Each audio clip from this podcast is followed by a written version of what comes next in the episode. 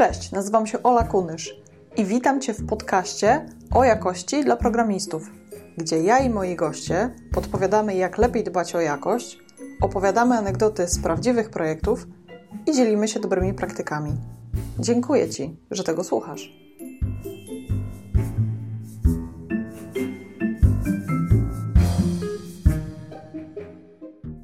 Zapraszam Cię do przesłuchania rozmowy z Anią Konopką i Piotrem Siemieniukiem, których możesz kojarzyć już z poprzednich odcinków podcastu. Dzisiaj rozmawiamy o błędach, wpadkach i złych praktykach z testami w roli głównej. Zapraszam. Cześć, witajcie.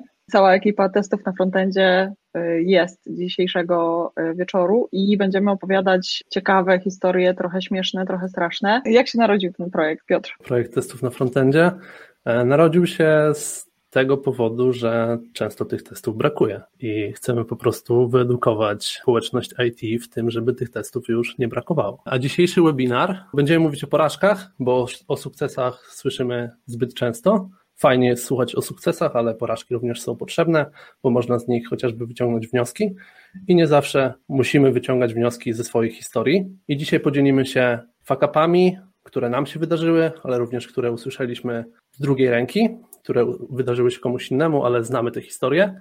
Będziecie mogli posłuchać, zapamiętać i w momencie, kiedy coś podobnego Wam się wydarzy, przypomnieć sobie i na przykład nie popełnić tego błędu, taki jak my popełniliśmy w momentach, kiedy nam się to przydarzyło.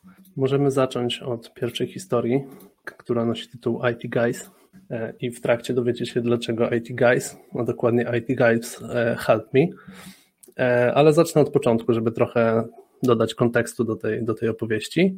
Jest sobie feature w aplikacji, która działa gdzieś na drugim końcu świata. Aplikacji do szkoły, korzysta z niej nauczyciel, korzysta z niej również rodzic ucznia, korzystają z niej dzieci. Jest sobie feature, który pozwala komunikować się nauczycielowi z rodzicem danego ucznia i aplikacji webowej może wybrać sobie dziecko, do którego rodzica chce napisać. Dodatkowy feature do tego był taki, że e, nauczyciel może kliknąć przycisk invite zaproś rodzica, żeby zainstalował sobie aplikację mobilną, żeby mógł się z nim komunikować. Ten feature został przetestowany jednostkowo, przetestowany na frontendzie, przetestowany również na backendzie, został wypuszczony na produkcję, mija tydzień, półtora tygodnia i trafia na Slacku filmik bezpośrednio od nauczyciela matematyki z drugiego końca świata, gdzie nagrywa telefonem to, e, że wchodzi do, do tej aplikacji, chce wybrać ucznia, ma przy nim przycisk zaproś, klika i wyświetla mu się pop-up do zaproszenia przez numer telefonu rodzica, ale pod spodem ma informację, że już dwa numery są zaproszone, a nadal nie może wysłać wiadomości do tego rodzica.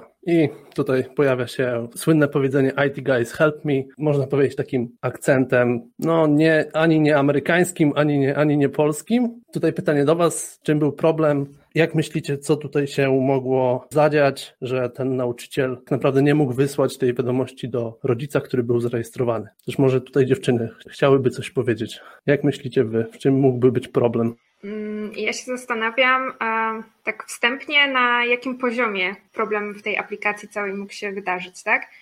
Bo może się okazać, że to jest gdzieś po stronie frontendu, z jakiegoś błędnego powodu wyświetlamy wiadomość, wtedy e, jak gdyby informację o błędzie, wtedy kiedy nie trzeba, a to może być gdzieś głębiej, więc pewnie, pewnie takie debugowanie zaczęłabym od ustalenia tego, gdzie mniej więcej to się zadziało. Tak, oczywiście problem na początku trafia do frontendu i tutaj pierwszy jest winny, winny frontend jak zwykle, no ale dobrze Aniu myśli, żeby najpierw przeanalizować tak naprawdę co tutaj się wydarzyło i próba tak naprawdę uzyskania tego błędu. Mamy pierwsze pomysły. Komentarze. Max mówi, że czy kierunkowy kraju nie został uwzględniony, a Daniel pyta, czy zaproszenie można wysłać tylko raz. Czy to jest któreś z tych odpowiedzi? Dobre, dobre, dobre myśli. Tutaj akurat w tej informacji odnośnie tych zarejestrowanych numerów już była informacja informacja, że ktoś już jest zarejestrowany, więc teoretycznie cały proces rejestracji ten rodzic przeszedł, problem nie, nie leżał po tej stronie. I numer kierunkowy kraju e, też tu nie o to chodziło. Oczywiście zaczęliśmy analizować ten problem, próba uzyskania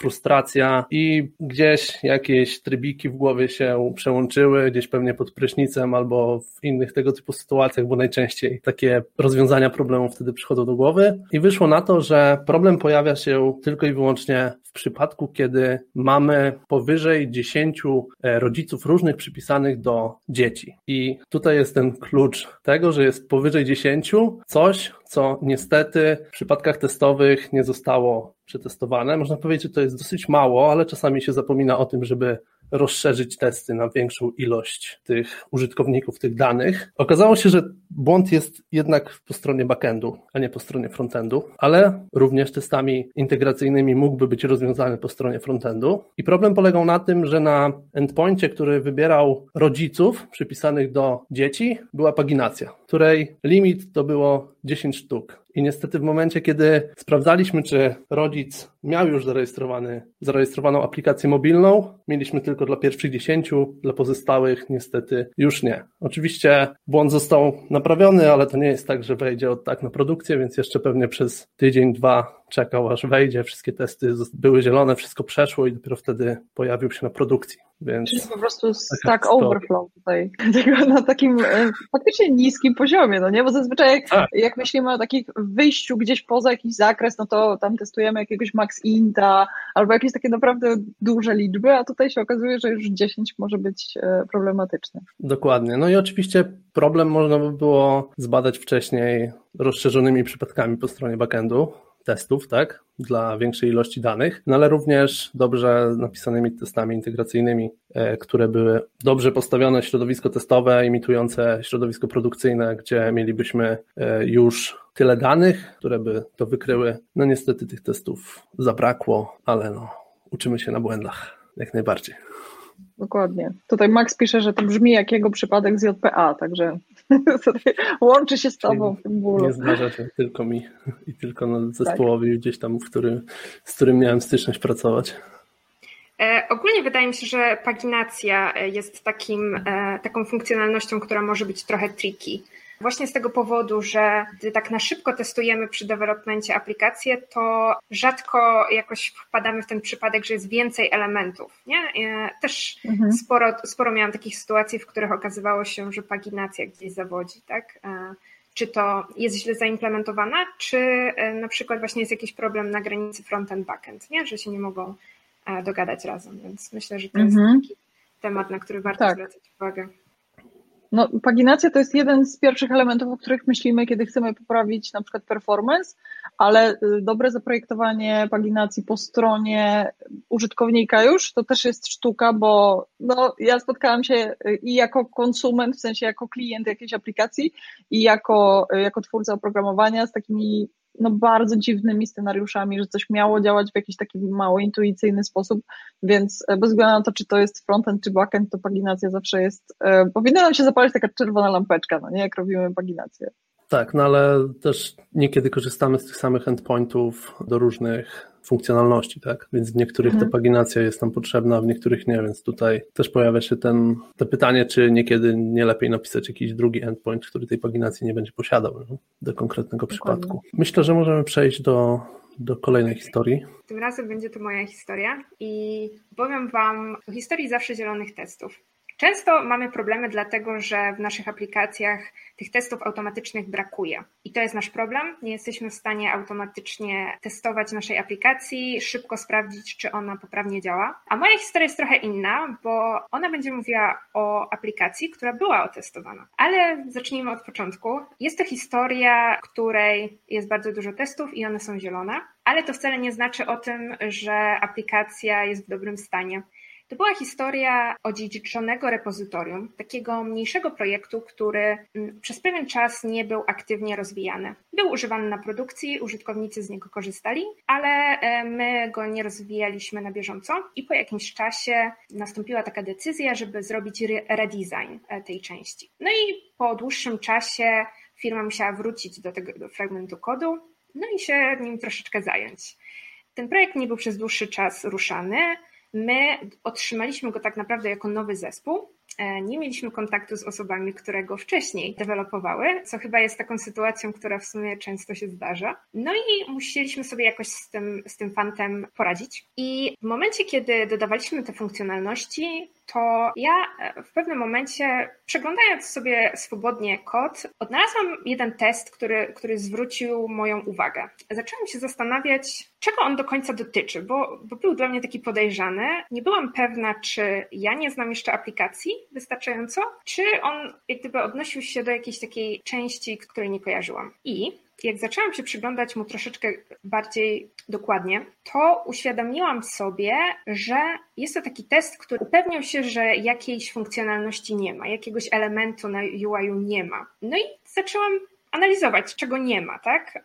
Okazało się, że to jest jakaś funkcjonalność, która w tej aplikacji istniała 3 lata temu. Wszyscy o niej już zapomnieli. Udało mi się odnaleźć jedną osobę, która kojarzyła gdzieś, co to było, czy jakiś strzępek informacji w dokumentacji, ale po prostu już, już bardzo dawno nic w naszej aplikacji nie mieliśmy. Jak gdyby został tylko ten test. Przez to, jak on był sformułowany, e, tego, że czegoś nie ma, on po prostu zawsze przechodził był zielony, co sprawiało, że w tej naszej e, aplikacji mieliśmy dużo testów, co nas w sumie też na początku zaskoczyło, e, że tak dobrze otestowana jest ta aplikacja. Tak się wydawało na pierwszy rzut oka, ale no, później, później zaczęły e, wychodzić różne rzeczy i jak zauważyłam taki pierwszy test, to stwierdziłam, że chyba muszę się przyjrzeć uważniej temu projektowi i tym wszystkim testom. No i potem, potem już była lawina. Okazało się, że jest kolejny test, który jest w taki sam sposób napisany, też sprawdza czegoś, czego już nie ma. Później okazało się, że to cały zestaw znalazłam podobnych testów. No i tak powoli te testy usuwaliśmy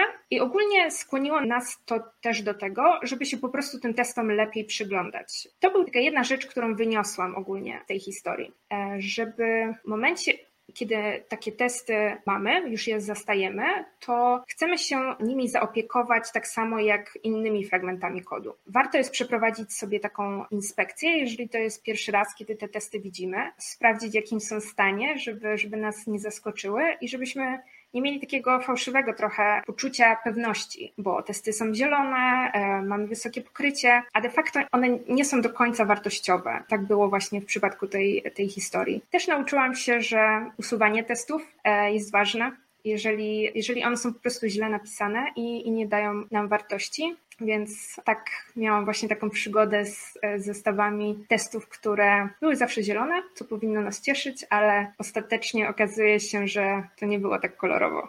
Hmm. Wydaje mi się, że takie rzeczy się dzieją w momencie, kiedy ustawimy na sztywno jakiś code coverage, do którego dążymy i ludzie piszą testy po prostu, żeby pisać testy, nie zastanawiając się nad tym, czy one w ogóle cokolwiek sprawdzają, albo nikt potem nie dba o te testy gdzieś tam w późniejszym terminie, nazwijmy to, czyli czy, bez względu na to, czy ten projekt jeszcze żyje, czy on jest już tylko w utrzymaniu, to nikt po prostu do tych testów już nie zagląda.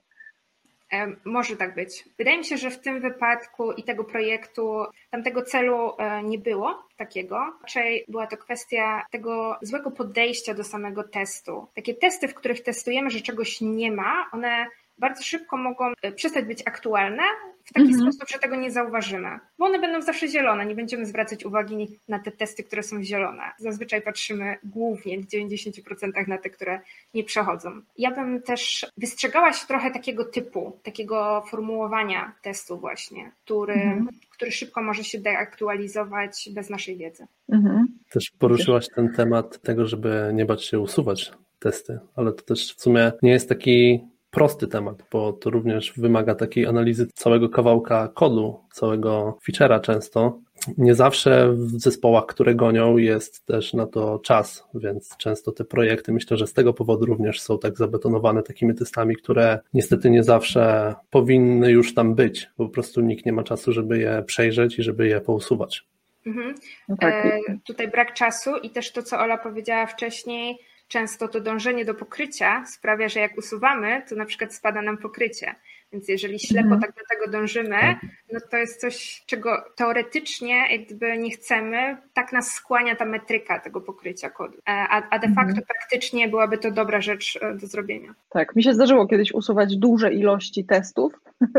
nie powinnam może o tym mówić na wizji, ale tak było, że e, mieliśmy w projekcie takie testy, które w zasadzie bardziej utrudniały nam pracę w pewnym momencie niż ułatwiały, dlatego że to były takie testy jednostkowe, które tak trochę właśnie betonowały nam kod i były testy integracyjne, które sprawdzały w zasadzie wszystko to samo i ja po prostu pewnego dnia e, już na prośbę zespołu, ale też trochę poirytowana tym, jak, jakby, jaką kulą u nogi są te testy, to ja po prostu wyrżnęłam je prawie wszystkie i tam gdzieś nawet e, na GitHubie byłam wśród pierwszej trójce osób w naszym projekcie, które najwięcej kodu usunęły z projektu, więc to też było takie ciekawe uczucie właśnie w kontekście tych testów, ale wydaje mi się, że jakość testów zyskała na tym, więc to nie jest tak, że im więcej testów, tym lepiej, tylko no, im lepsze testy, tym, tym lepiej tak naprawdę. Ja opowiem Wam taką historię z mojego projektu, gdzie wchodziliśmy na produkcję i to tak, był taki GoPro, jak to się mówi, taki z przytupem, dlatego że przez pół roku dewelopowaliśmy e, taki widget, który miał działać nie tylko na naszej stronie, ale też na stronie naszych klientów. No i ponieważ była wielomiesięczna praca tak naprawdę całego zespołu, no to my byliśmy przygotowani na ten go live z wyprzedzeniem. No i ja nawet kupiłam szampana i to nie był Piccolo ani tam Carskoje i Gristoje, tylko to był prawdziwy szampan z szampani. Włożyłam go do lodówki, pracowaliśmy wtedy jeszcze w Business Linku, to był taka przestrzeń coworkingowa w Wrocławiu. I wiecie, no jak ktoś jest we wspólnym miejscu, to człowiek trochę drży, czy tam ktoś nie zawinie tego szampana w pewnym momencie, więc on sobie tam leżał i ja go przyniosłam jakby dzień przed tym, jak mieliśmy iść na produkcję, no ale jeszcze tam były jakieś bugfixy, jeszcze coś tam się nie udało, więc on tak leżał przez kilka dni i w końcu poszliśmy na tę produkcję, bo stwierdziliśmy, że jesteśmy gotowi odpaliliśmy tego szampana, rozlaliśmy sobie do tam szklaneczek takich, wiecie, z Ikei, które były dostępne w tym coworkingu. No i dwie minuty później zadzwonił do nas szef i powiedział, słuchajcie, robimy rollback, bo zabiliśmy stronę naszego klienta. No i jak kojarzycie korek od szampana, no to nie da się go tak po prostu włożyć z powrotem, czy zakręcić, czy cokolwiek, tylko no, było to takie, taki trudny moment, bo nie wiedzieliśmy z tym szampanem, co tak naprawdę zrobić i nie wiedzieliśmy, bo wiedzieliśmy, że musimy robić rollback, ale co, co dalej, jak co tutaj ro, robimy. I ciekawa jestem, czy, czy macie jakieś przemyślenia na temat tego, co tam się y, mogło nie udać?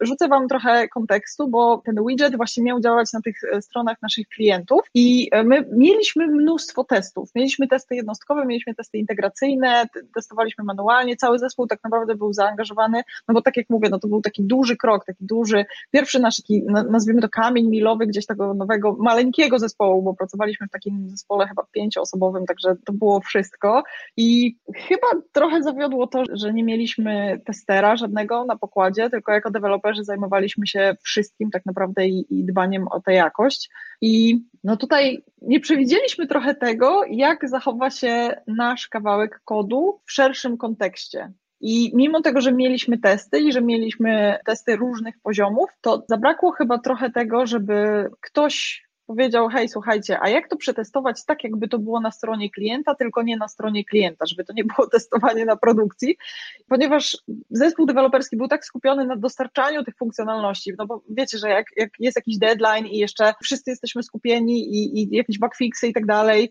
no to nie ma czasu na to, żeby takim chłodnym spojrzeniem spojrzeć na to y, i, i zastanowić się, co tak naprawdę tam może pójść nie tak. No i okazało się, że właśnie poszło dość mocno i, i zabiliśmy tak naprawdę stronę stronę klienta na chwilę i był telefon. No i tak taki wniosek, który wyciągnęliśmy od razu, Backfix zajmował, nie wiem, no 15 minut, to była jakaś taka mała rzecz. Natomiast to pójście na proda się troszkę odwlekło, dlatego że musieliśmy no, upewnić się tym razem, że wszystko będzie działać dobrze, więc musieliśmy przygotować całe środowisko testowe, które było production-like, czyli wyglądało tak jak te strony klienta, czyli musieliśmy odpalić nasz widget w jakimś innym kontekście, który miał jakieś takie swoje całe zależności, miał swoje Bo tam jakby ta strona po prostu się położyła, znaczy była biało-czarną po prostu stroną bez styli, bez niczego i no, przygotowaliśmy to później i najpierw manualnie testowaliśmy w ten sposób, potem odpaliliśmy jakieś automaty do tego, ale wydaje mi się, że właśnie to, że brakowało nam takiego spojrzenia z innej strony, dlatego ja tak bardzo zachęcam do tego dialogu, gdzieś tam zawsze mówię o tym, że warto jest zaglądać za płot do tych ludzi, którzy robią jakieś podobne rzeczy e, gdzieś tam obok nas, żeby e, się dowiedzieć, co oni tak naprawdę robią, po co, żeby też odpalić te procesy takie tych dyskusji, że ktoś e, zada odpowiednie pytanie i uratuje nas przed tym takim wstydem, który może nas spotkać w momencie, kiedy pójdziemy na produkcję. I wydaje nam się, że tego nam trochę zabrakło, natomiast ponieważ byliśmy takim bardzo elastycznym zespołem, to, to szybko nadrobiliśmy, to znaczy przygotowaliśmy się do tego, żeby więcej coś takiego nas nie spotkało. No ale szampan się rozlał i niestety e, to pójście na produkcję było spektakularne z zupełnie innych powodów niż na początku myśleliśmy. Także tak, wyglądał ta, tak wyglądała ta historia. Ciekawa jestem, czy, czy mieliście e, coś podobnego, że mieliście taki poważny fuck up właśnie na, na produkcji. Odnośnie tego środowiska testowego, a raczej bra braku właśnie takiego środowiska, które bardzo jest blisko produkcji. Ja sama czuję, jak to jest ważne, ale też wiem, że często właśnie brakuje czasu, żeby zainwestować go w to przygotowanie tego środowiska i to w Waszym wypadku jeszcze było dodatkowo trudniejsze, nie? Gdy pracujemy nad funkcjonalnościami i idziemy do przodu, to po prostu czasem trudno jest w ogóle się zatrzymać i przeanalizować, że jest nam to potrzebne, że ten czas zaprocentuje, który zainwestujemy w utworzenie takiego środowiska. Myślę też, że my jako deweloperzy czasami zapominamy o tym, kto tam jest na końcu. Ja mam taką prezentację właśnie o jakości i tam zadaję takie pytanie, dla kogo my w ogóle robimy to oprogramowanie? Bo często właśnie w takiej codziennej pracy, zwłaszcza jeśli mamy Scrama i mamy jakieś sprinty, mamy jakieś planowanie, mamy jakieś retro, to jakby to staje się najważniejsze dla nas, ten cały proces tego wytwarzania oprogramowania, a to, że ktoś tam jest na końcu i że ktoś będzie tego używać i że ktoś może mieć inne priorytety niż my i że dla kogoś usability jest dużo ważniejsze niż rzeczy, które nam się wydają kluczowe dla aplikacji, tak często na backendzie jest, że spędzamy mnóstwo czasu rozmawiając o architekturze na przykład, a w ogóle się nie skupiamy na, na usability i na tym, żeby to nie była kopia bazy danych, która idzie sobie przez backend do frontendu i tam musimy wyklikiwać dokładnie w takiej kolejności, jak to będzie zapisywane do bazy, bo wtedy wytwarzamy tak oprogramowanie trochę pod siebie, a trochę mniej pod, pod klienta, więc fajnie mieć z tyłu głowy to, dla kogo w ogóle to oprogramowanie jest wytwarzane. Wydaje mi się, że trochę takich właśnie miękkiego spojrzenia na ten problem zabrakło również. Nie? Takiej osoby, która by mhm. Może była po tej stronie biznesu bardziej, bo mówiłaś, że brakowało wam takiej osoby od testów, E, ale czy właśnie nikt nie pomyślał o tym, właśnie ten klient będzie z tego korzystał? Bo raczej umiejętności napisania takich testów wam nie brakowało, tylko takiego spojrzenia. Tak. No. Mhm. I też kogoś, kto ma doświadczenia w podobnych projektach, bo jak ktoś przychodzi i pomaga projektować na przykład cały proces dbania o jakość, taka osoba, która już z niejednego pieca jadła chleb i w niejednym projekcie była, ma też takie pomysły, które no, dla nas byłyby na przykład innowacyjne, a dla takiej osoby to jest po prostu chleb powszedni. No nie? Tutaj widzę, że, że są historie. Daniel pisze, że, że się może podzielić taką historią, że aktualnie pracują nad systemem klasy WMS, który jest zintegrowany z różnymi systemami firm kurierskich. I była taka historia, że w pewnym momencie coś się zmieniło w kodzie. System oczywiście nadal działał, e, lecz dla zamówień pobraniowych, czyli COD, na etykietkach przestały się pojawiać e, kwoty COD i kilku klientów klientów przez chwilę mogło otrzymać i nie płacić za otrzymany towar. To była przestroga. Co prawda temat backendu. No tak, te, te błędy, jeśli właśnie tak jak Piotr mówił, że, że frontend zostaje za nie obwiniony, to często gdzieś tam są bardziej w tych czeluściach. No i pytanie też, czy ktoś to takie błędy wykorzysta, czy one gdzieś tam przejdą niezauważone i wykryjemy je na przykład po kilku miesiącach, dopiero przez przypadek. Ja ostatnio znalazłem takiego baga w grze mobilnej, które, w którą ostatnio sobie gdzieś tam gram i do końca nie wiem, czy to jest bug i czy dobrze tak naprawdę ogarnąłem działanie, jak to powinno działać, ale można sobie albo zapłacić za zbiór jakichś tam kart, które losują jakieś dodatkowe rzeczy w tej grze, albo można obejrzeć reklamę i trzeba obejrzeć 10 reklam, które przełożą się na te 5 zł, które by się zapłaciło za to. Jak się obejrzy jedną reklamę, to nad tym przyciskiem wyświetla się czas 24 godziny i to sugeruje, że kolejną reklamę mogę obejrzeć za 24 godziny, ale po 5 sekundach ten przycisk się uaktywnia i ja mogę znowu obejrzeć obejrzeć tą reklamę. To raczej nie powinno tak działać i ja tutaj to już kilka razy wykorzystałem w czasie, kiedy się nudziłem i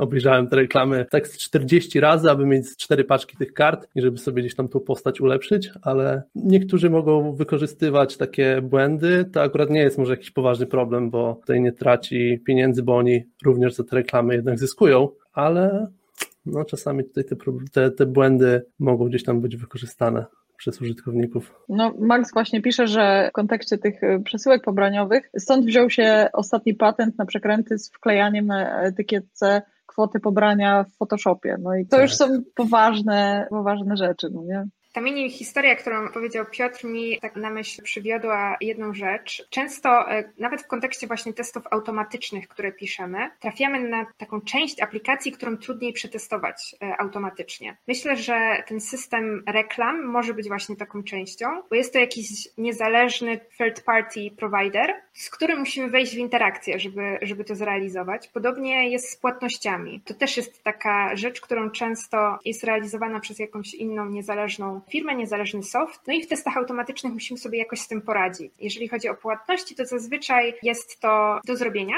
bo, bo bramki oferują jakieś takie testowe środowiska, ale no to jest zawsze dodatkowy wysiłek i często wiem, że jest taką przeszkodą potencjalnie mm, w testach automatycznych, pisaniu ich. Lecimy dalej. To będzie historia o testach, które nazywa się Flaky. Nie wiem, czy wiecie, jakiego typu to są testy. E, jeśli nie, no to, to zaraz o tym powiem. Ale zacznijmy od początku. Mieliśmy projekt, którym od początku wiedzieliśmy, że to testowanie automatyczne jest ważne i od samego początku tworzenia projektu inwestowaliśmy czas w pisanie właśnie testów na różnych poziomach, ale też w tym testów end-to-end, -end, które testowały całą naszą aplikację. Dodawaliśmy te testy po kolei w miarę developmentu funkcjonalności. No i wraz z tym, jak aplikacja sama rosła, no to tych testów pojawiało się coraz więcej, byliśmy z nich zadowoleni. Wszystko wydawało się być bardzo w porządku. Ale jednak coś poszło nie tak. I tu mam takie pytanie do Was. Jak myślicie, co może pójść właśnie nie tak w kontekście tego, kiedy mamy zestaw testów automatycznych, jest ich dużo, no i wydaje nam się, że tu powinno być tylko lepiej, tak? Wszystko sprawdzamy, zazwyczaj jest zielono i idziemy do przodu. No, ja tak pomyślałam o takich nieodświeżanych testach, czyli takich zastanych właśnie, które gdzieś tam już niczego nie sprawdzają. Tak trochę poszłam w tę historię, którą, o której też mówiłaś.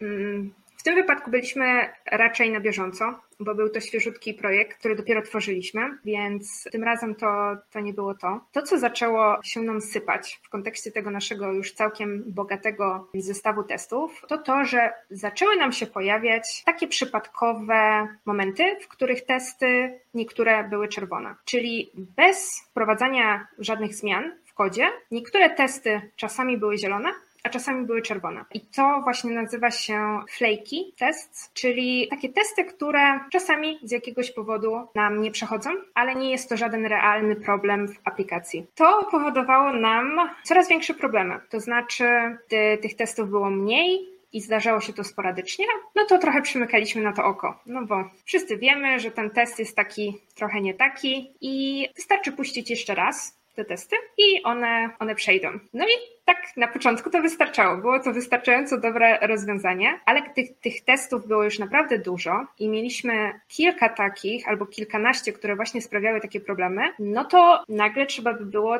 te testy uruchamiać na przykład pięć razy, żeby one wszystkie przeszły w tym samym momencie. Tak naprawdę za każdym razem trzeba było je uruchamiać wielokrotnie, no bo gdy zobaczyłam czerwony test, to nie byłam do końca przekonana, czy coś jest nie tak w aplikacji, ja popełniłam błąd czy muszę po prostu uruchomić jeszcze raz i będzie OK. No więc de facto ten czas, w którym testy były uruchamiane, wydłużał się te dwa, trzy razy z samego tego powodu, że trzeba było je wielokrotnie e, uruchamiać. No i to nie było fajne w ogóle. Tak naprawdę to dochodzenie do tego, z czego to wynikało, było naprawdę żmudne i de facto nie udało nam się usunąć wszystkich takich problemów właśnie związanych z tymi flaky testami end-to-end. Był to żmudny proces, Przyczyny były różnorakie, no i nie udało nam się e, tego rozwiązać do końca, ale ogólnie staraliśmy się wyeliminować różnego rodzaju nieprzewidywalności, które w tych testach e, były. Czasami tak naprawdę nie czekaliśmy na to, aż aplikacja będzie w takim stanie, w którym rzeczywiście możemy coś sprawdzić. I mówiąc czekaliśmy, nie mam tu na myśli takiej komendy poczekaj 5 sekund, bo ona bardzo często sprawia, że testy są właśnie flejki, tylko raczej jakichś mechanizmów, które daje nam ten setup testowy na to, żeby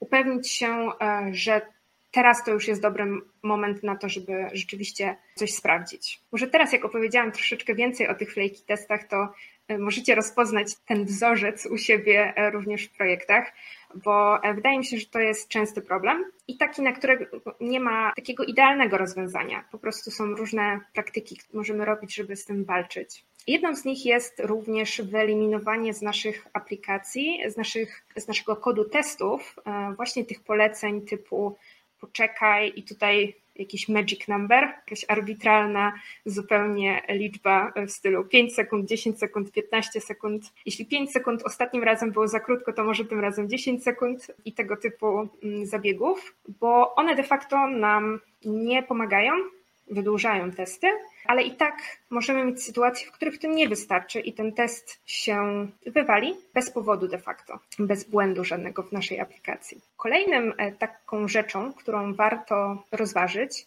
ale jest to troszeczkę taka większa rzecz. Jest wybór tego setupu, na którym nasze testy są postawione. Mamy do wyboru różnego rodzaju rozwiązania oparte na Selenium, a mamy też takie rozwiązania, które ja nazywam właśnie nową generacją. I tutaj jest Cypress albo też Test Cafe. One działają u podstaw troszeczkę inaczej i przez to taki, um, takie narzędzie jak Cypress jest w stanie troszeczkę pomóc nam właśnie w kontekście problemu, jakim są flaky tests. Jest on w stanie lepiej rozpoznawać te momenty, w których rzeczywiście możemy robić te asercje, oczekiwać, aż pewne elementy pojawią się na ekranie w tym miejscu, w którym chcemy. No i to nam już na starcie daje bardzo dużą przewagę. Więc to są takie rzeczy, które myślę warto w tym, w tym kontekście rozważyć. Mi się podobało, podobała jedna rzecz, którą Ania powiedziałaś, że mimo tego, że mieliście te testy, które są bardzo niestabilne, to staraliście się coś z tym zrobić, bo wydaje mi się, że bardzo często w projektach ignoruje się to, po prostu się przyzwyczajamy do tego, że testy są niestabilne i efekt jest taki, że niby mamy jakiś proces, proces CI/CD, ale jak jest czerwono, no to idziemy na produkcję i tak, no bo jak nam się spieszy, no to przecież nie będziemy tych testów odpalać cztery razy, aż wszystko w środowisku będzie tak jak trzeba i aż te testy się uruchomią i będziemy mieć zielony raport testowy, czyli tak naprawdę zielone światło do wejścia na produkcję. I ta taka ignorancja wyuczona trochę, że my nie czekamy na to, bo te testy i tak są nieprzewidywalne, więc tak naprawdę co one nam gwarantują i co one nam sprawdzają i, i jaką one nam dają gwarancję, więc ignorujemy je tak czy siak. I w tym momencie zaczyna się już taka droga w dół, bo to znaczy, że nie będziemy dbać o te testy, nie będziemy ich utrzymywać, po prostu będziemy je ignorować, a jak wystarczająco dużo testów przestanie przechodzić za każdym razem, no to po prostu wyłączymy prawdopodobnie te testy z naszego procesu CI/CD i to, to już jest bardzo niebezpieczne. Nie? Ale to też jest czasami denerwujące, jak robi się coś w projekcie, który na przykład nie należy do zespołu, w którym się pracuje, ale dostało się zadanie. Mówię na przykład o pracy w jakiejś dużej firmie, tak, gdzie ten podział na zespoły i na projekty jest dosyć duży, ale ze względu na podobny feature dostaje się coś do napisania w innym projekcie i tam te niestabilne testy występują, tak? I to denerwuje w przypadku na przykład robienia komita i przy uruchamianiu testów w trakcie tak naprawdę analizy tego kodu, bo trzeba się zastanowić, czy to faktycznie popsuło coś moje, czy nie. I to naprawdę wydłuża czasami proces zrobienia jednej małej zmiany, która faktycznie na pewno nie zrobiła tam żadnego błędu, no ale no, trzeba to zweryfikować, tak? Bo nie, nie można być w 100% pewnym, więc to potrafi, potrafi zdenerwować. Też w kontekście właśnie pomagania innemu zespołowi nie znasz tak dobrze tego kodu, więc masz zawsze jeszcze większe to podejrzenie, że coś może być nie tak, nie? Więc warto e, na pewno weryfikować. Ale myślę, że to jest też bardzo irytujące nawet w naszym własnym projekcie, bo jeżeli okazuje się, że pracujemy nad jakąś funkcjonalnością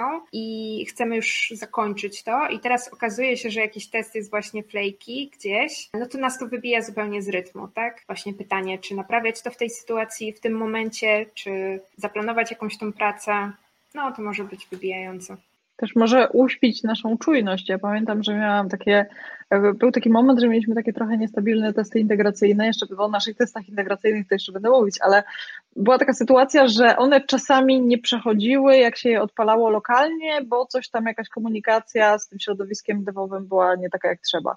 I czasami robiliśmy tak, że robiliśmy commit mimo wszystko, no bo przecież te testy i tak czasem nie przechodzą.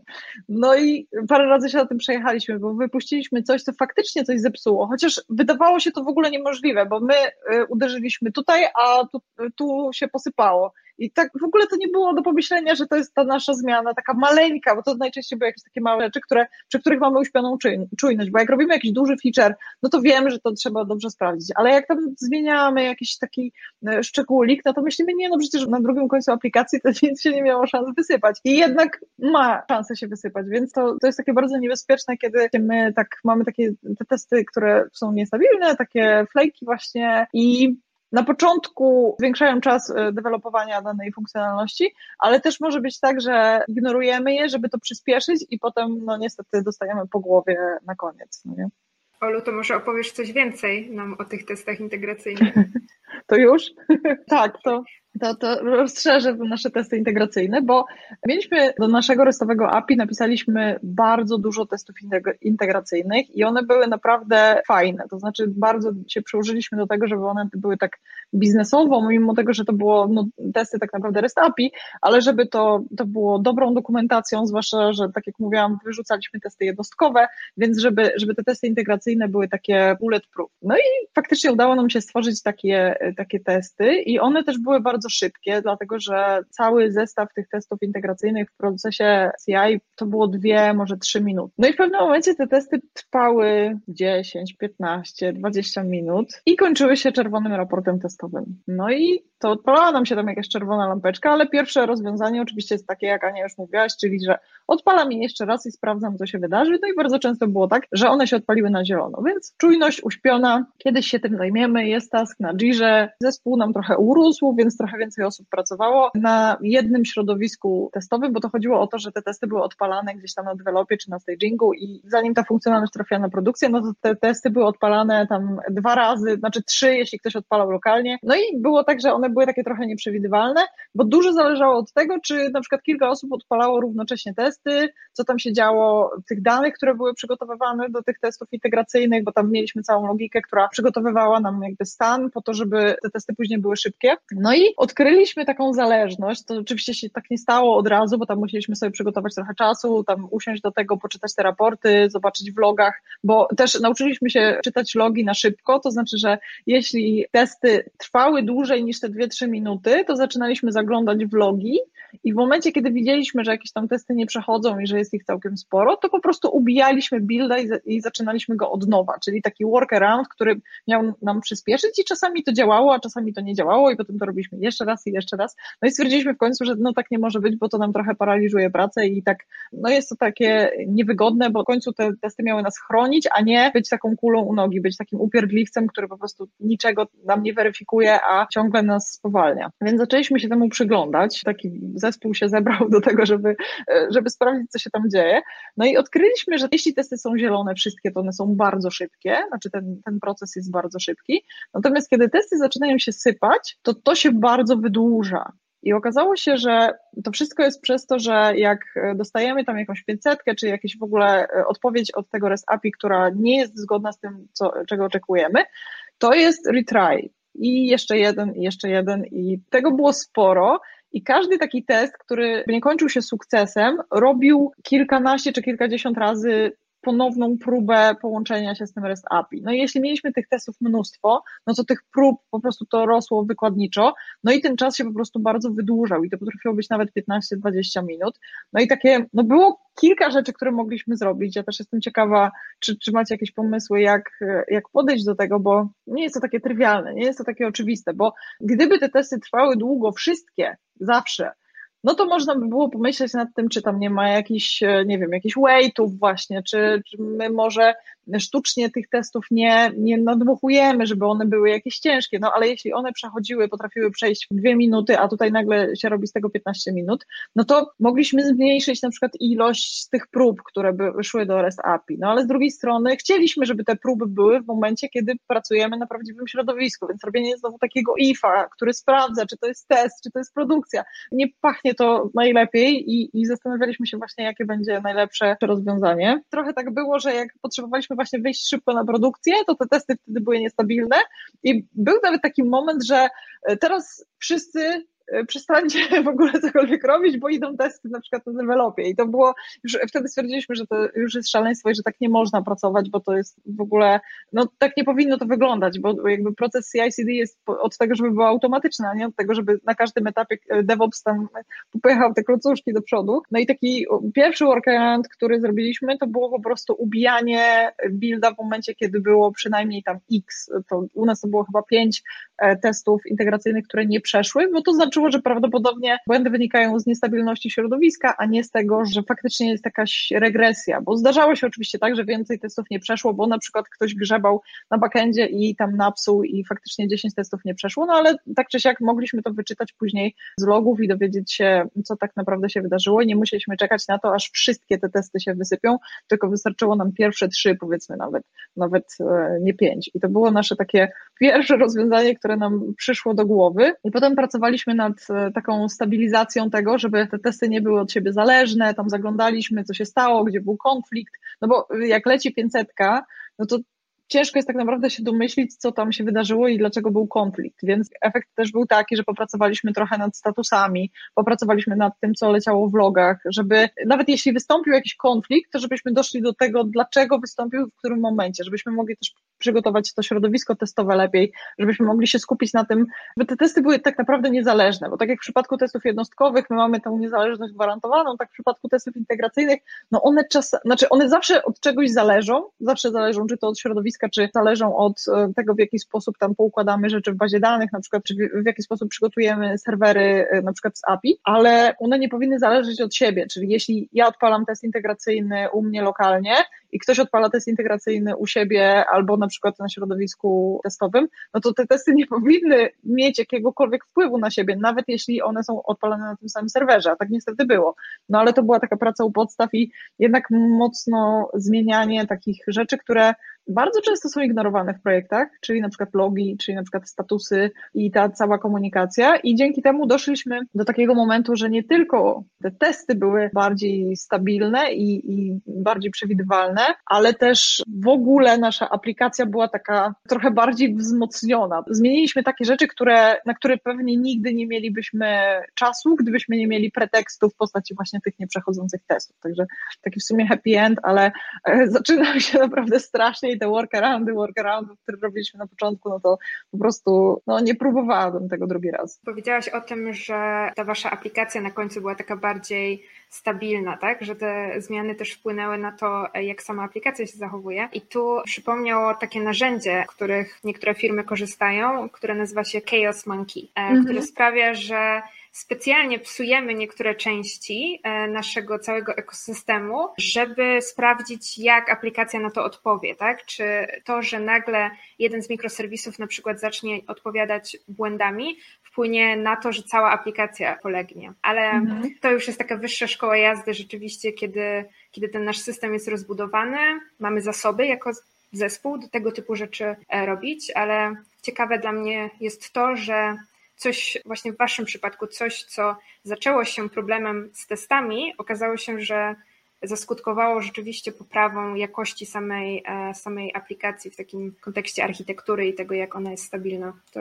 A jeśli chodzi właśnie o te Chaos Monkey, to wydaje mi się, że Netflix udostępnił nawet y, biblioteki dla kilku technologii, więc można spojrzeć, to jest chyba na GitHubie, na ich y, repozytoriach, gdzie właśnie można sobie pobrać taki projekt i zobaczyć, co się wydarzy, bo szczerze mówiąc, to tak, dla takich małych projektów to nigdy nie odpalałam, tak u siebie gdzieś tam lokalnie, ale to może być ciekawe właśnie doświadczenie, jak mamy taką apkę, e, gdzieś tam pisano jakiś pet shop taki dla siebie na kolanie i jak bardzo ona jest stabilna i odporna właśnie na takie monkeys, czy nawet gremliny, bo zdaje się, że jest też taka biblioteka do tego, żeby klikać tak jakby nie wiem, kot chodził po klawiaturze, czy jakby dziecko tam bawiło się naszym laptopem, że po prostu gremliny klikają w losowych miejscach i sprawdzają, co się wydarzy w naszej aplikacji, czy się nie wysypie po prostu w pewnym momencie i nie odmówi e, funkcjonowania.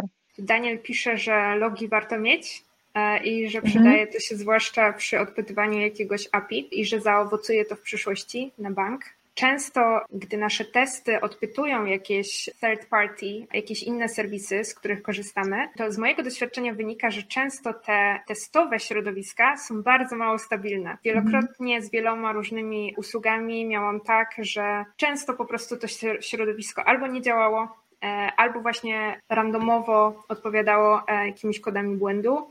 No i to często było wyzwaniem w testach właśnie takich automatycznych, mm, bo wprowadzało bardzo dużo niestabilności do testów.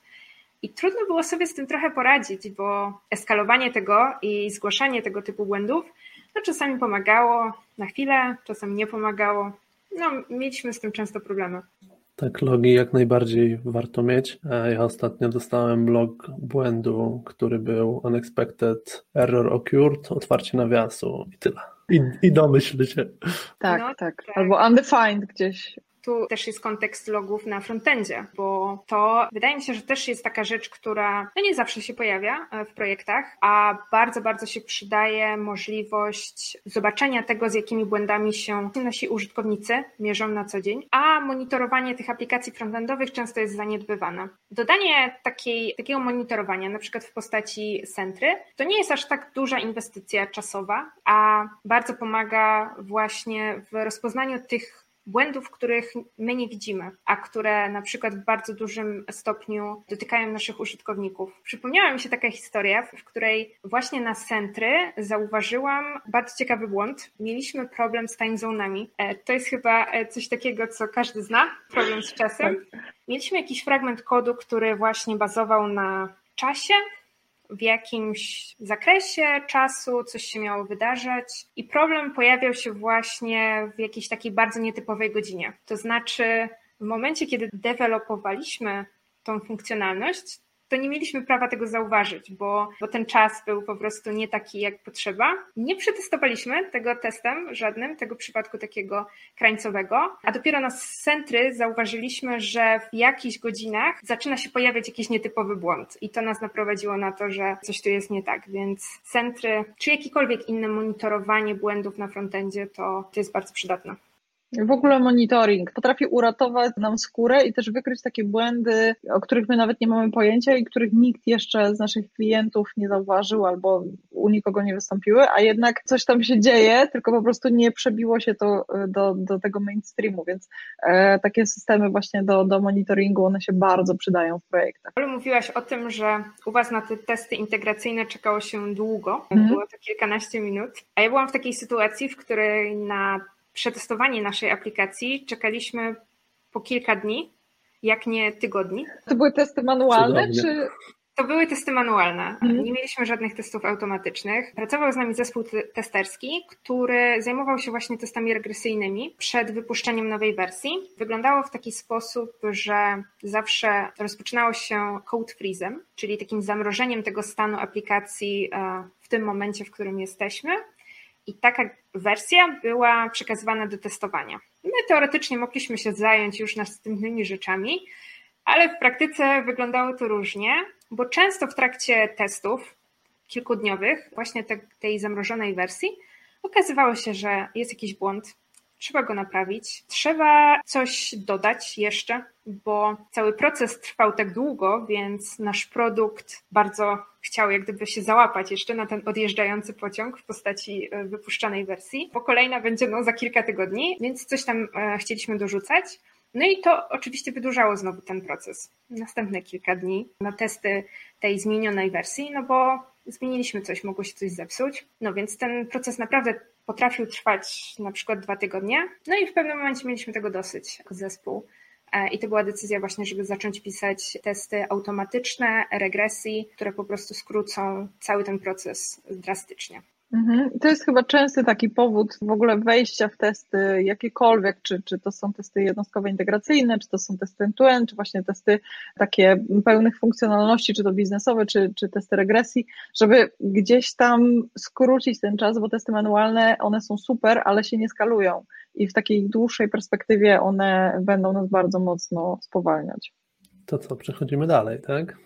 Najpierw powiem, co, co tutaj poszło nie tak. Aplikacja została wypuszczona na produkcję, została wypuszczona do klienta. Również jest to podobna aplikacja do szkół. E, korzystają z niej nauczyciele i akcja dzieje się w dwóch stanach USA. Okazuje się, że aplikacja była przetestowana manualnie, ale okazuje się, że na produkcji ta aplikacja staje się bezużyteczna, bo nikt nie założył, że wszyscy nauczyciele o tej samej porze będą się tam logować i wpisywać oceny, wystawiać oceny uczniom. Aplikacja przez, działała tak wolno, że stała się niestety mocno bezużyteczna i konsekwencje tego fakapu są dosyć poważne, bo jeden stan zrywa umowę z tą firmą i tak naprawdę ucina się połowa zysków z tego. E, również niektóre osoby musiały być zwolnione, e, niestety, bo ponieważ nie było, nie było tutaj środków, żeby wszystkim zapłacić, ale dochodzi do momentu,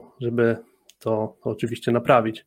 Brakowało testów end-to-end, e, testów end-to-end, które obudowałyby, obudowałyby całą aplikację, przetestowały różne scenariusze i taki proces został podjęty. Zostało napisane wiele testów end-to-end, a później zostały one uruchomione jako testy wydajnościowe dobrze skonfigurowanym środowisku, na przykład w 4000 w symulacji 4000 użytkowników i zostały znalezione te miejsca, które powodowały największe, największe błędy i powoli, powoli, powoli e, były te miejsca e, naprawiane.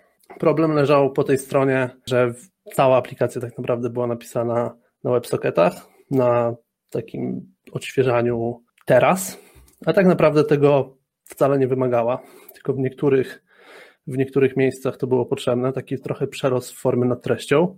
No i niestety ten brak testów tutaj spowodował dosyć duży, duży fuck up, który odbił się niestety po czterech literach kilku, kilku osobom i, i całej firmie brak testów tak naprawdę może tutaj mieć poważne konsekwencje. Tylko właśnie testy wydajnościowe, one nie są takim naszym pierwszym wyborem, dlatego że najpierw liczy się to, żeby coś w ogóle działało, żeby ta logika biznesowa gdzieś tam działała, a dopiero potem zaczynamy się zastanawiać, jak to jest wydajne, jak to jest szybkie w momencie, kiedy właśnie mamy duże obciążenie i to jest taki temat, do którego wiele zespołów dochodzi gdzieś tam po miesiącach czy nawet latach i też nie ma czasami potrzeby, żeby to działo się wcześniej, no bo jeśli pracujesz w jakiejś aplikacji, która obsługuje, nie wiem, dwa requesty na sekundę, no to po co ci te testy wydajnościowe, no nie, to jest jeszcze dla Dokładnie. nich, e, dla nich za wcześnie. Tutaj myślę, że też takim znaczącą e, rzeczą było to, że to były WebSockety i jak gdyby jednak ta wydajność e, rozwiązania właśnie opartego o WebSockety trochę na czucie te, tego klasycznego RESTA może to zawiodło, tak, że ta wydajność takich rozwiązań restowych jednak jest inna niż, niż w kontekście e, WebSocketów. Wydaje mi się, że często, gdy wchodzimy do jakiejś nowej technologii, możemy na przykład tak na pierwszy rzut oka sobie z nią radzić, ale właśnie brakuje nam takich szczegółów, które w krytycznym momencie mogą mieć znaczenie. Mm, ja e, miałam taki moment, w którym zaczęłam pracować nad aplikacjami mobilnymi w React Native e, i pamiętam, że na pierwszy rzut oka bardzo podobne do Reacta, podobnie się pisze, ale okazuje się, że sama ta platforma powodowała, że mam dużo różnych e, problemów, o których nie wiedziałam na początku i których się nie spodziewałam. I, i podejrzewam, że tutaj też mogła podobna sytuacja zajść właśnie w tym wykorzystaniu technologii, która nie do końca jest może znajoma nam. Czasami rzucamy się na coś, na przykład wracamy z konferencji i ktoś tam miał prezentację, że jakiś tool jest super i my chcemy go jak najszybciej wprowadzić na produkcję, a tymczasem nie zdajemy sobie sprawy z wyzwań, które tam są, bo nawet jeśli zrobimy jakiś projekt z tutoriala, to może się okazać, że nie doszliśmy jeszcze do problemów, bo w tutorialach zazwyczaj wszystko działa, a na produkcji dzieją się rzeczy niestworzone i też klienci używają e, naszych aplikacji w trochę inny sposób niż byśmy sobie tego życzyli. No i właśnie mogą się wydarzyć różne dziwne rzeczy. Max pisze, że na studiach przy budowaniu jakiegoś warehouse'u gdzie baza miała po 60-70 gigabajtów, to indeksy potrafiły dziennie godzinne zapytanie skrócić do paru sekund, więc brał pod uwagę takie rozwiązanie, że tutaj mogło właśnie tego zabraknąć. Tak, w swoim pierwszym projekcie, w którym pracowałem, tutaj dużo takich optymalizacji było po stronie dodania indeksów do, do zapytań. Chociaż zajmował mm. się to się tym team od SQL-a, ale no przy, przy tak naprawdę optymalizowaniu te indeksy to robiły, robiły mega robotę. Ja chciałabym opowiedzieć historię, która zaczyna się bardzo standardowo. Wyobraźcie sobie, że jest to normalny dzień pracy, godzina dziewiąta, jest kawa, przeglądacie sobie Jirę, jest stand-up. Wszystko, wszystko toczy się tak jak każdego normalnego dnia. Jednak e, gdzieś tak około 15, czyli już w takim momencie, w którym powoli wszyscy się zastanawiają nad tym, co będą robić po pracy, dostaliśmy na Slacku wiadomość. Rozpoczynała się ona od oznaczenia HIR do wszystkich, do całego 50-osobowego e, teamu. Dostaliśmy informację na stagingu. Tak wygląda to, że nie jestem w stanie zrobić zakupu produktu. Czy ktoś wie o co chodzi? I ja w tym momencie, gdy przeczytałam tę wiadomość, e, a była to część e, aplikacji, którą się aktywnie zajmowałam, to w pierwszym momencie mnie to zmroziło i uruchomiła mi się taka gonitwa myśli kiedy był ostatnio release, co w nim poszło, co ostatnio zmienialiśmy, czy to jest na produkcji. No i pierwszy odruch, e, wchodzę na produkcję i chcę to potwierdzić. No i szybkie spojrzenie jest tak samo, już nie działa. No i oczywiście e, serce mi stanęło na chwilę, ale później ruszyliśmy do walki właśnie z tym incydentem. Co, e, co się dzieje w momencie, kiedy się okazuje, że uj, jest, jest jakiś fuck up na produkcji? Jest wciskany taki panic button. I u nas się to nazywało E, all hands on board, czyli nie można było robić nic innego, trzeba było rzucić wszystko i zajmować się właśnie naprawą tego baga i, i najczęściej szukało się po prostu blame'a, czyli kto to zrobił i ta osoba była odpowiedzialna za to, żeby dostarczyć rozwiązanie albo samodzielnie, albo po prostu zebrać e, zespół do tego. U nas podobnie. Czasami nawet call grupowy, gdzie obgadujemy, co faktycznie się popsuło i żeby to jak najszybciej naprawić. No albo wszyscy zostają, jeżeli mają coś do dodania, albo zostaje faktycznie ta osoba, która była odpowiedzialna za to i później stara się to, to naprawić. To, e, to opowiem e, o tym, jak właśnie w tym naszym zespole do tego podchodziliśmy. Kultura i ten proces odpowiedzi na taki incydent był bardzo e, dobrze wykształcony. Mi się podobało to, że, że mogę się tego nauczyć. W momencie, kiedy taka sytuacja się pojawiała, to pierwszym elementem było stworzenie na Slacku kanału dedykowanemu temu incydentowi. To była firma, która była w pełni zdalna, e, więc ten Slack to było nasze takie centrum dowodzenia. Na ten kanał wpadali wszyscy, którzy chcieli się przyłączyć do tej naprawy, no i specjalnie by, były oznaczone osoby, które rzeczywiście mogą e, się, się przydać i, i są potrzebne. I zawsze była to gra zespołowa e, i, i myślę, że że to było fajne. W pierwszym momencie naszą podstawową e, rzeczą, którą chcieliśmy zrobić, to było określenie tego, jak poważny jest ten problem. Ogólnie ten cały e, proces był udokumentowany w bardzo fajny sposób, więc każdy się z tym zapoznawał w momencie, kiedy trafiał, trafiał do firmy. I w tej dokumentacji mieliśmy też taką krótką tabelkę odnośnie tego, jakiego typu problemy są dla nas jak poważne, tak? Mieliśmy określone poziomy tego severity, czyli jak poważny jest nasz problem i w zależności od tego e, też zmieniała się nasza reakcja, e, bo są takie problemy, które, które właśnie trzeba naprawić w tym trybie, o którym e, mówiłaś, Olu, czyli all hands on board i po prostu pracujemy nad tym tak naprawdę do momentu, kiedy sytuacja się w jakiś sposób uspokoi. Czyli albo naprawimy ten błąd, albo zrobimy rollback z sukcesem, tak żeby użytkownicy mogli korzystać e, z naszej aplikacji. Taką e, wagę tego incydentu właśnie przypisywaliśmy tym elementom, e, tym błędom, które powodowały, że cała nasza aplikacja przestawała działać. Użytkownicy nie mogli mm, wykonywać tych takich najważniejszych procesów biznesowych, zalogować się, kupić tego typu rzeczy. Ale były też takie błędy, które na początku wyglądały poważnie i właśnie wywoływały tę reakcję stresową, ale po takiej wstępnej analizie okazywało się, że w sumie jest to funkcjonalność, z której nie korzysta tak dużo użytkowników, e, powiedzmy 5%. I okazuje się, że nie musimy aż tak bardzo szybko tego, tego naprawić. Nie jest to powód, żeby na przykład tę e, nową wersję wycofać. Więc było, było to różnie. Też w takim procesie i tej pracy zespołowej nad rozwiązywaniem mieliśmy osobę, która e, zgłaszała się, że będzie menadżerem tego incydentu. Do jej tak naprawdę obowiązków należało prowadzić ten cały proces, czyli e, nadzorować to, żeby dwie osoby nie pracowały nad tym samym, nie sprawdzały tego samego, e, koordynować też komunikację z różnymi stakeholderami, czyli na przykład CEO, albo z osobami, które mają e, sprzedażowe prezentacje w tym czasie e, i coś może tam nie działać, bo popełniliśmy jakiś błąd. I to było fajne, że rzeczywiście mogliśmy się tymi rolami podzielić i osoby, które były zaangażowane w usuwanie tego incydentu, nie musiały się takimi różnymi rzeczami pobocznymi zajmować, rozpraszać.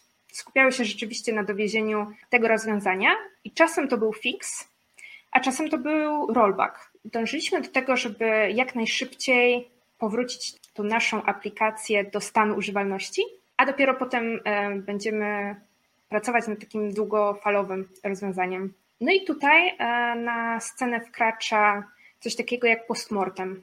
Z każdego takiego incydentu spisywaliśmy sobie taki dokument, czasem krótszy, czasem dłuższy, który mówił trochę właśnie mm, o tym, dlaczego mieliśmy taki problem, jak go rozwiązywali, rozwiązaliśmy, też podsumowujące e, wnioski na przyszłość. Czy to w postaci jakichś action itemów, e, jakichś elementów, które musimy wykonać, żeby nie mieć takiego problemu w przyszłości, albo, albo jakieś na przykład zmiany w procesie, czymś, co robimy w określony sposób i to powoduje, że, że ten problem się pojawił.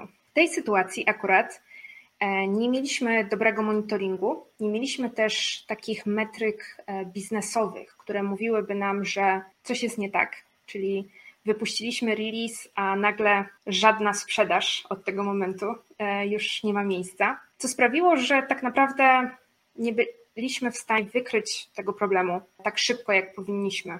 E, on został wykryty właśnie w taki przypadkowy sposób kogoś, kto akurat coś chciał zrobić na stagingu i ten problem się pojawił. No i to była taka rzecz, której nam tutaj zabrakło do tego, żeby szybciej rozwiązać ten problem i też szybciej go zauważyć wcześniej. Podoba mi się, Ania, to co powiedziałaś, że ustalaliście, czy ten problem jest do naprawienia tu i teraz, czy może da się go odroczyć w czasie bo taka naturalna reakcja, ja tak trochę się śmiałam z tego, że szukaliśmy winnego. Prawda jest taka, że przeważnie ta osoba, która zepsuła, wie mniej więcej o tym. Znaczy, jak mówimy, że coś tam się zepsuło w tym kawałku aplikacji, to jest ktoś, kto robi wielkie oczy i mówi, o kurde, to chyba moja, moja zmiana.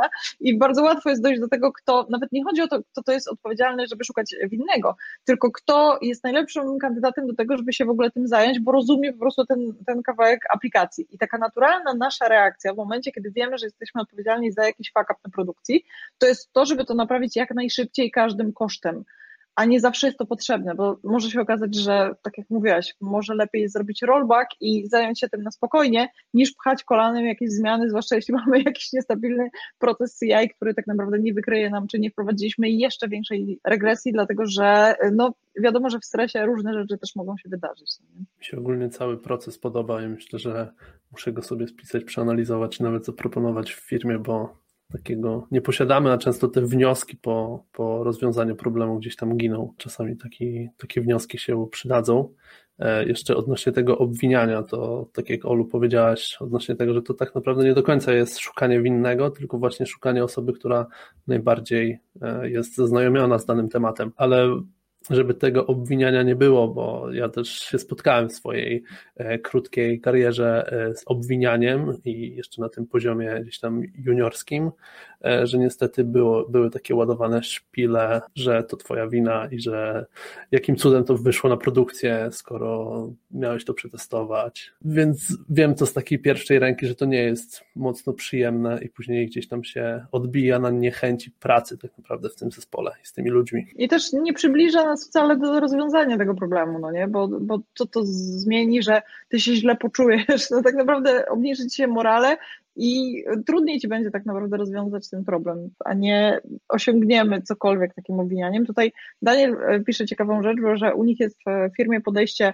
firmy turkusowej, nie szuka się winnego, by go ukarać, szuka się przyczyny, by ją usunąć i najpierw naprawić w miarę możliwości szybko, a później zrobić to dobrze, czyli podobnie w sumie do tego, co, co mówiliśmy. I to jest takie podejście, myślę, które, które powinno się stosować i faktycznie najczęściej ta osoba, która coś zepsuła, wie o tym, że zepsuła i nie potrzeba jeszcze obrzucać jej kamieniami, czy, czy mówić, że to jest twoja wina i tak wskazywać palcem, bo nikomu to nie pomaga, a w nas rodzi, nie tylko w tej osobie, która, która faktycznie wypuściła tę zmianę, tylko wreszcie y, całego zespołu rodzi takie podnosi taką gardę, ja to tak nazywam, że to jest taka mentalna garda, że za każdym razem czekasz tylko na to, czyja jest wina i jak nie twoja, to po prostu ocierasz czoło, idziesz do domu i mówisz, dobra, to, to nie, nie ja dzisiaj tutaj e, spaściłam produkcję, więc idę, e, nie, to nie jest mój problem, to nie jest moja wina, no nie? I zaczynamy mówić właśnie takim językiem, a tak jak Max pisze, niech pierwszy rzuci kamieniem, kto nigdy nie wywalił produkcji. Myślę, że zdarzyło się każdemu, kto gdzieś tam siedzi chwilę w programowaniu. Często jest tak, że komuś się wydaje, że to on popełnił właśnie ten błąd, e, bo to jego zmiany spowodowały e, jakiś problem, ale jak się zagłębimy tak trochę bardziej w tę sytuację, zadamy sobie te pięć pytań dlaczego, to na przykład okazuje się, że ktoś nie zrobił czegoś, co w sumie powinien, e, dlatego że ten cały proces był bardzo męczący. Okazuje się, że możemy sobie tak e, zadawać właśnie takie pytania, dlaczego, i gdzieś tam do, na końcu dotrzemy do tego, że to jest jakaś systemowa przyczyna. Tym razem to była ta osoba, ale następnym razem może się okazać, że to był, był ktoś inny, tak? To, to nie musi być e, problem z jakimś zachowaniem tej danej osoby, tylko to, to może wynikać z jakiegoś właśnie systemowego problemu. Tak, dlatego ta analiza postmortem jest taka kluczowa do tego, żeby się po prostu uczyć gdzieś tam dalej. I tak jak ja wcześniej podawałam przykład tych naszych testów integracyjnych, że no gdybyśmy stwierdzili, że dobra, to tam po prostu będziemy robić jeszcze raz, uruchamiać te testy, a potem to je w ogóle wyłączymy, to nie osiągnęlibyśmy wszystkich tych dobrych rzeczy, które z tego wynikały. I w takiej analizie postmortem też możemy dojść do wniosku, że właśnie ten proces jest zły, że może ten proces jest nieintuicyjny, a może jest po prostu bardzo męczący, a może nie trzeba robić jakiejś zmiany w trzech miejscach, tylko wystarczy w jednym. Po prostu zastanowić się, dlaczego coś u nas nie zadziałało. Tak jak robimy retro jakieś tam zespołowe i zastanawiamy się nad takimi zachowaniami gdzieś tam wewnątrz zespołu, to tak samo takie retro dotyczące produktu, czyli to, co nie działa gdzieś tam na produkcji i dlaczego nie działa. Najczęściej nie mamy na to czasu, tak na co dzień, więc warto taki e, czas wygospodarować e, w trakcie, czy bez względu na to, czy to jest sprint, czy, czy cokolwiek innego, czy pracujemy w Scrumie, w Kanbanie, czy w czymkolwiek innym, to taki czas e, raz na jakiś czas po prostu, żeby się tym zająć, żeby to też nie było zawsze w tym stresie, kiedy faktycznie ten problem jest na produkcji, bo wtedy działamy trochę w innym trybie, no nie? Myślę, że jest to już pora, żeby zbliżać się do końca. Dziękujemy Wam bardzo za to, że dzisiaj byliście z nami. Życzymy Wam miłego wieczoru. Zapraszamy na kolejne webinary i do usłyszenia. Bye.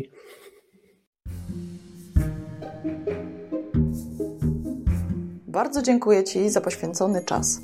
Jeśli ten odcinek dał Ci wartość, to podziel się nim w social mediach albo wyślij go do jednej osoby. W notatkach do odcinka znajdziesz linki do bloga, kanału na YouTubie i mojego Twittera.